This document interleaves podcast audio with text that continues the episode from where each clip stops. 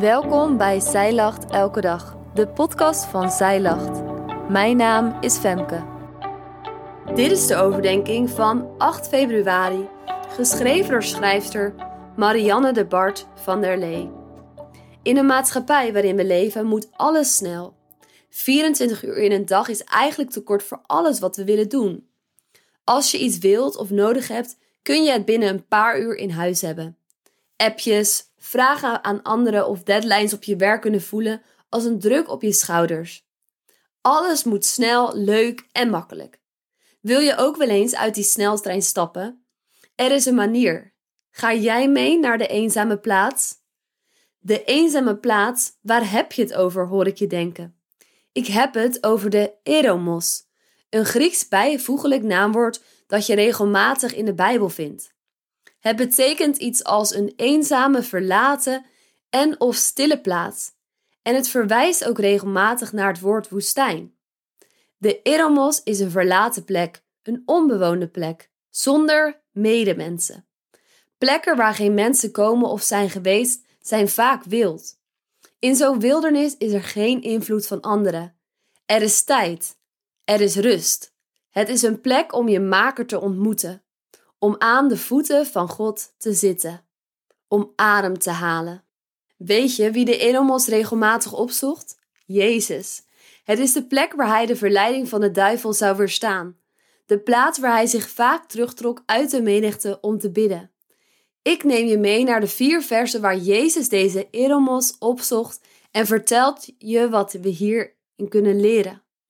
In Matthäus 14, vers 13 staat: en toen Jezus dit hoorde, vertrok hij vandaar met een schip naar een eenzame plaats. Alleen. Dit vers bevindt zich midden in een hectische en verdrietige periode voor Jezus. Hij had net gehoord dat zijn neef Johannes was gestorven. Daarom wilde hij met de boot naar een afgelegen plaats, waar hij alleen met God kon zijn. Logisch na zo'n bericht. Hoewel hij deze eenzame plaats uiteindelijk niet bereikte, omdat er toen hij uit de boot stapte een hele menigte op hem wachtte, is dit het eerste wat we leren. De Eromos is een plek waar je alleen bent, alleen met je gedachten en alleen met God. In Marcus 1, vers 35 staat: En s'morgens vroeg, nog diep in de nacht, stond hij op, ging naar buiten en begaf zich naar een eenzame plaats en bad al daar. Ik weet niet hoe het met jou zit in een drukke tijd, maar Gods opzoeken schiet er nu bij mij juist dan vaak in. Na een drukke dag kies ik al snel voor om een goede nacht te slapen, in plaats van diep in de nacht op te staan om God te ontmoeten. Jezus deed dat wel. De dag ervoor had hij mensen onderwezen in de synagoge. Hij had de schoonmoeder van Simon genezen en s'avonds laat vele zieken en bezetenen geholpen. Hij moet doodmoe zijn geweest. Maar toch stond hij ochtends heel vroeg op om met zijn vader te spreken. Wat een les. In Lucas 5, vers 15 tot 16 staat: Maar het nieuws over hem verspreidde zich juist verder. En grote mensenmassa's verzamelden zich om naar hem te luisteren en zich van hun zieken te laten genezen. Hij zelf trok zich geregeld terug op een eenzame plaatsen om er te bidden. Jezus ging regelmatig naar de Eromos, omdat hij zijn vader nodig had omdat hij bij hem wilde zijn. Om op te laden, om op adem te komen en om kracht te ontvangen voor alles wat hij moest doen.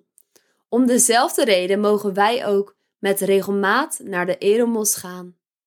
In Marcus 6, vers 31 staat: En hij zei tegen hen: Komt u zelf mee naar een eenzame plaats, alleen, en rust wat uit, want er waren er velen die kwamen en die gingen, en zij hadden zelfs geen gelegenheid om te eten.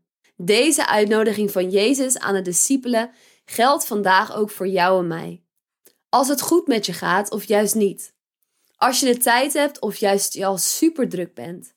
Jezus laat je vandaag zien dat het zo waardevol is om de Eromos op te zoeken. En als Hij het al deed, dan moet het wel goed zijn. Op 14 februari start de 40 dagen tijd.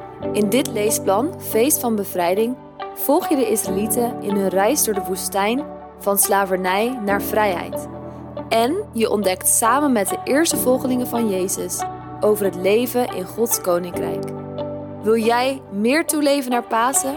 Bestel dan dit 40 dagen tijd leesplan via onze webshop. Dankjewel dat jij hebt geluisterd naar de overdenking van vandaag. Wil je de overdenking nalezen? Check dan onze website. Je vindt er ook meer toffe dingen die jou helpen om de Bijbel vaker te openen, zoals boeken, Bijbels, cursussen en evenementen. Morgen ben ik weer bij je terug met een nieuwe overdenking. Tot dan!